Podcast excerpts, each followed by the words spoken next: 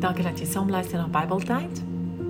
Vandag gaan ons gesels oor eyster, slyp eyster. Ons lees uit Spreuke 27 vers 17. Eyster slyp eyster, vriende vorm mekaar. Psalm 1 vers 1. Dit gaan goed met die mens wat nie die raad van die goddeloses volg nie, nie met sondaars omgaan en met gesinniges saamspan nie. 1 Korintiërs 15 vers 33 moet julle nie langer laat mislei nie. Slegte geselskap bederf goeie sedes. Drie mooi versies uit die Bybel uit. Baie van ons wil vooruit beweeg in die lewe, maar ons voel daar is gedurig iets wat ons terughou. Ons mag dalk besef dat ons nie reg lewe nie. Ons lewe nie volgens God se wil nie.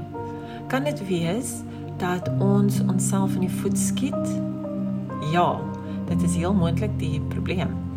En ons moet elkeen daarvoor verantwoording neem en daaraan werk. Dat ons konstant met verkeerde mense kuier en ook doen wat hulle doen, dink en sê en saam skinder om 'n negatiewe en wêreldse mense en dinge omring te wees is ook ons eie keuse. Ons is tog op die einde van die dag die een wat besluit wat ons wil doen en hoe ons gaan lewe. Wanneer ons Jesus aanvaar as ons leidsman, dan volg ons hom en ons maak seker om nie verkeerde ding vriende te kies nie.